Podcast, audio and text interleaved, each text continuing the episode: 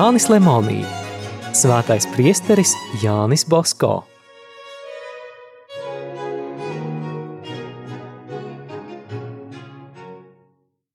Svētās jaunavas pasludināšanas dienā 25. martā Jānis iedams pa gaiteni uz kapelu sastapa Komollo. Es tevi gaidu, viņš sacīja, jo gribēju pasakīt, ka ar mani ir jau beigas. Jānis viņu mierināja un lūdza, lai izmet no galvas šīs apnicīgās domas un atdodas dieva žēlastībai. Bosko bija pārsteigts, jo vēl vakar viņi abi bija pastaigājušies un abi veseli atgriezās. Arī tagad pēc izskata Komolo likās vesels. Tomēr viņš vēl skaidrāk pateica: Es slimoju. Slimības nebaidos, bet baidos tikai kā nostāšos dieva tiesas priekšā. Bosko lūdza, lai draugs ir mierīgs. Ar slimībām zināms nevar jokot, bet, ja arī vajadzētu mirt, vēl būs pietiekami daudz laika labi sagatavoties. Tā runādami viņi iegāja baznīcā. Alois piedalījās misē, pieņēma svēto komuniju, bet misē beidzoties pēkšņi zaudēja samaņu. Draugi piesteidzās un aiznesa viņu uz semināra slimnīcu. Kad tajā rītā Jānis satika savu draugu Džakomelli, Tad viņam teica, ka Komollo no šīs slimības vairs neatveseļosies. Bet sākumā šķita citādi. Drusku pagulējis Komollo, tajā pašā dienā piecēlās, tomēr pēc divām dienām atkal apgūlās un vairs neatspirga. Viņš ļoti baidījās no dieva tiesas. Kad Bosko aizgāja viņu apmeklēt, Komollo vienmēr sacīja: Mums jāšķiras. Tuvojas brīdis, kad man būs jāstājas Dieva troņa priekšā. Lieldienu naktī Jānis bija nomodā pie sava drauga gultas. Ap deviņiem vakarā slimnieks bija bez samaņas, vēlāk to atguva, un tad viņa sejā vairs nevarēja manīt rūpes un bailes, kas tajā atspoguļojās agrāk. Viņš gulēja mierīgi un smaidīja. Jānis viņam jautāja, kāpēc viņš tā pārmainījies ka Maulo negribēja to sacīt. Vēlāk redzot, ka neviena nav tūmā, viņš klusā balsī Jānim stāstīja, ka sapņojas par ieleju, kuras vidū redzējis lielu bezdibeni. Kāds ļauns biedēklis gribējis viņu tur iegrūst.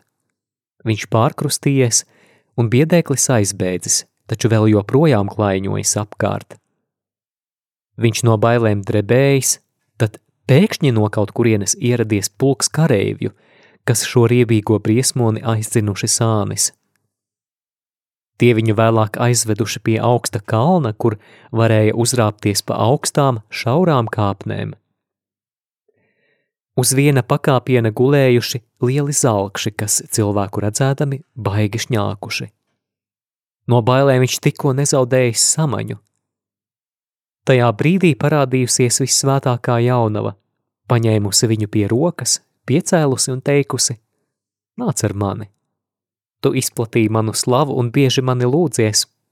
Tagad nāc saņemt lielo atlīdzību. Pieņemtās komunijas manam godam tevi izvedīs no visiem šķēršļiem, kas kavē tavu ceļu.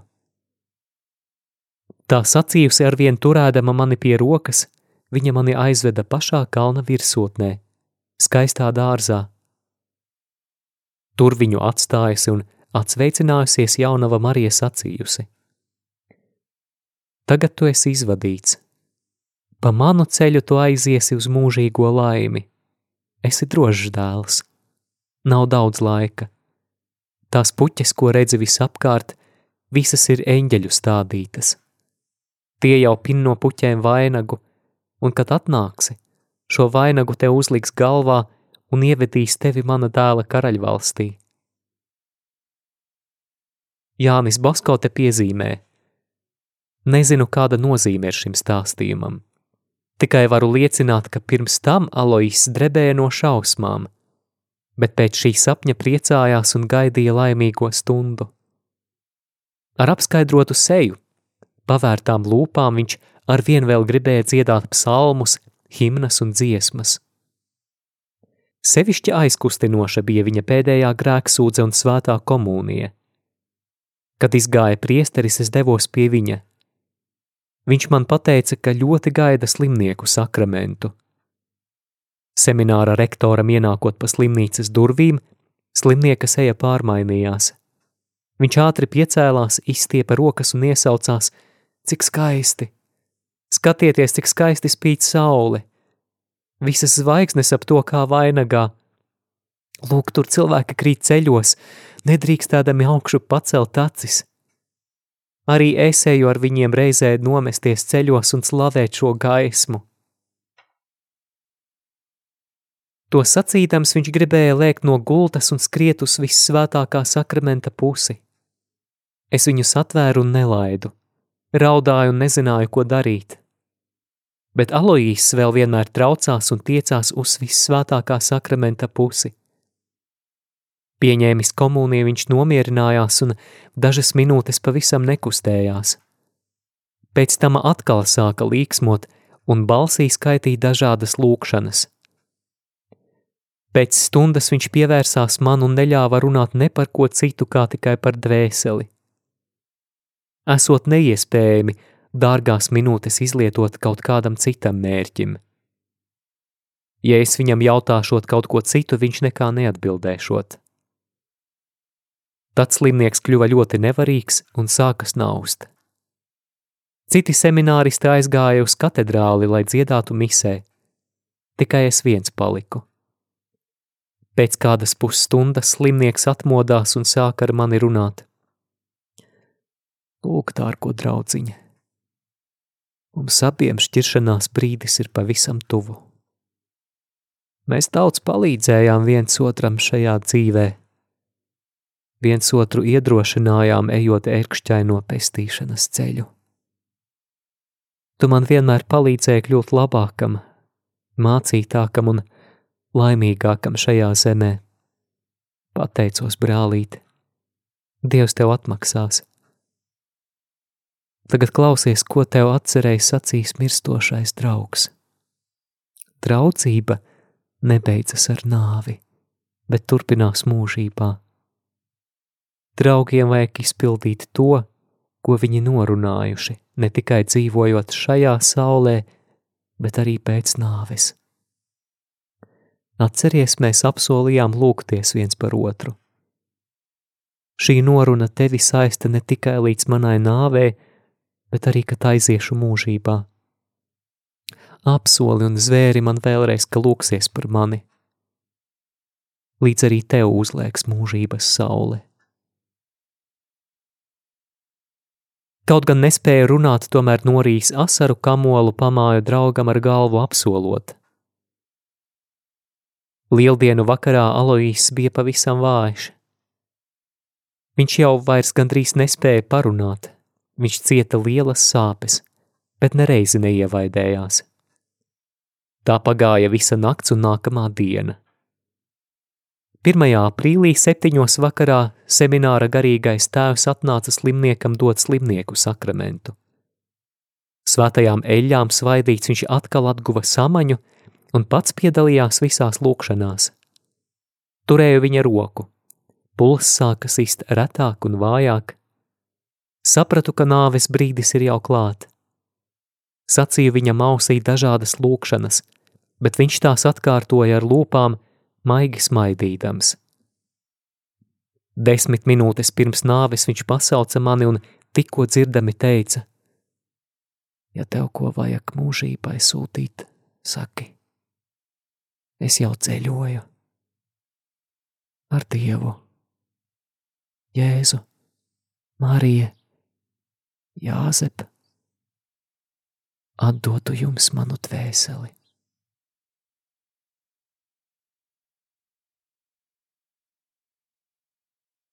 Tie bija viņa pēdējie vārdi. Mēle viņam vairs nekustējās, bet viņa lūpas vēl vienmēr kustējās.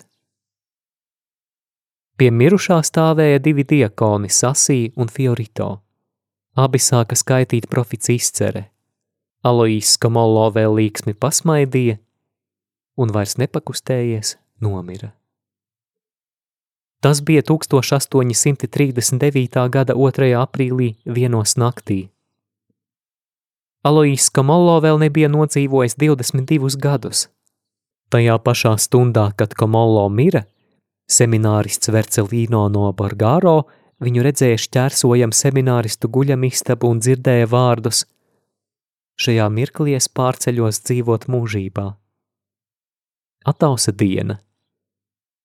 Izdzirduši sāpīgo vēsti, semināristi ļoti noskuma, bet drīz vien visi nomierinājās, jo bija pārliecināti, ka Komollo jau par viņiem lūdzas debesīs. Kas vien varēja dabūt kādu mirušā lietotu priekšmetu, paturēja to piemiņai. Semināra rektors negribēja viņu apbedīt kopējā kapsētā, un tikko uzausa rīts, aizbrauca uz Turīnu pēc atļaujas apbedīt viņu Svētā Filipa baznīcas kapsētā. Bēru svinības bija neparastas. Pirmajā naktī Komollo atkal parādījās guļamistabā vairākiem semināristiem. Viņu vidū bija arī Jānis Bosko, kurš šo brīnišķīgo gadījumu aprakstījis piebilst. Visu izbailes bija tādas, ka tikko palikām dzīvi. Pirmo reizi savā mūžā toreiz izbijos arī es. Droši vien šīs bailes bija tas, kas mani noveda līdz kādai ilgstošai slimībai, kas mani tikko nenoguldīja kapā. Paldies Dievam izveseļojos, bet tikai pēc gadiem.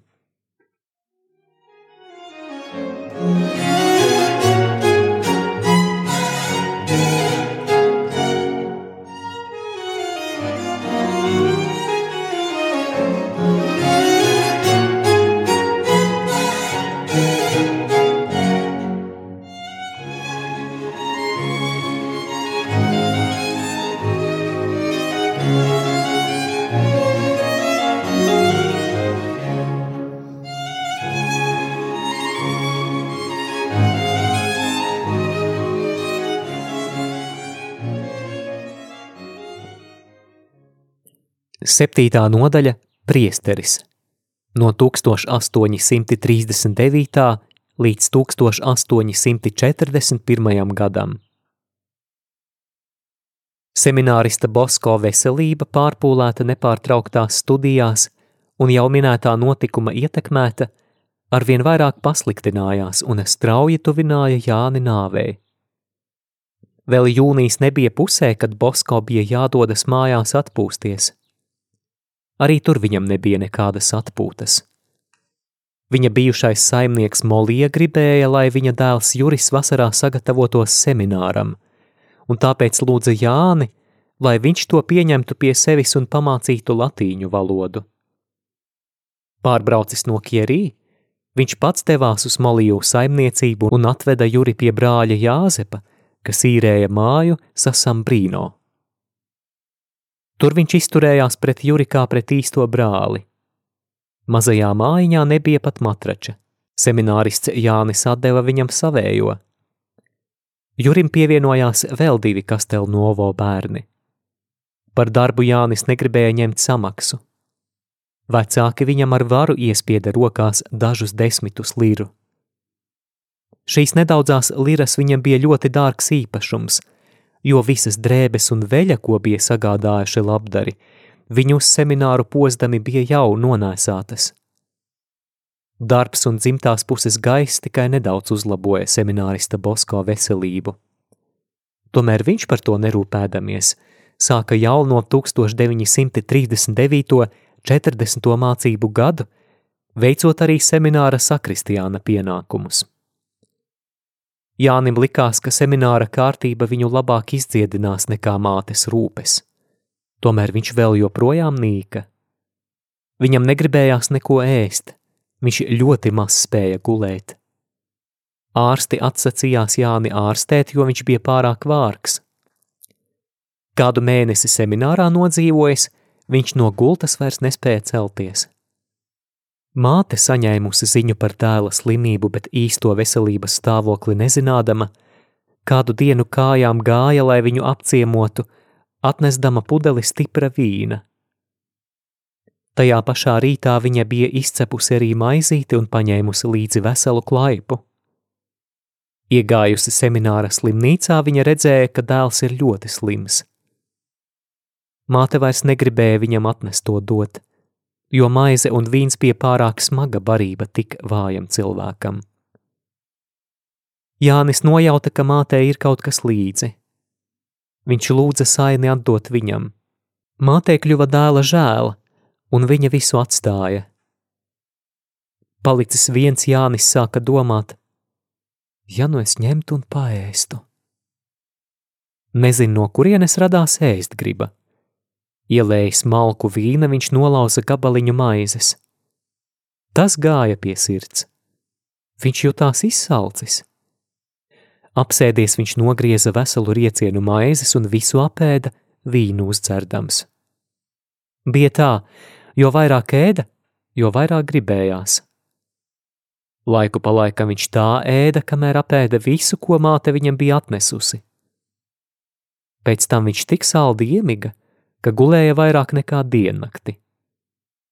Semināra priekšnieki domāja, ka tā būs īsta letarģija, tiešā nāves zīme. Taču notika pavisam otrādi. Jānis izgulējās un jutās pavisam vesels. Atkal viņš sāka apmeklēt lekcijas, bet dažas slimības sekas pilnīgi izzuda tikai pēc vairākiem gadiem. Kaut gan tajā gadā slimības dēļ Jānis kavēja daudz lekciju un dažreiz vajadzēja braukt mājās, tomēr eksāmeniem viņš centās sagatavoties. 1840. gada 4. martā, otrajā gavēņa svētdienā, Turīnas katedrālē viņam piešķīra tonzūru un četras zemākās svētības. Brīvlaikā atgriezies mājās, seminārists Bosko atkal aizbrauca uz Moliju māju. Saimniece jau ilgāku laiku vārguļoja, un redzēdama Jāni žēlojās, ka nesagaidīs viņa pirmo svēto misi. Seminārists viņu mierināja un apgalvoja, ka viņa dzīvos 90 gadus. Tiešām saimniece atveseļojās. Kad viņa sirga, viņa pat vairs zāles negribēja pieņemt. Lūk, priesteris Bosko viņai sacīs, ka tā nodzīvos līdz 90 gadiem, kāpēc tad vēl lietot kaut kādas samazgas? Šis pravietojums, kas bija pateikts kā joks, piepildījās. Moliju saimniece nodzīvoja ilgāk nekā pats priesteris Bosko un nomira uzsākot 91. mūža gadu, spiežot pie krūtīm Jāņa Bosko attēlu.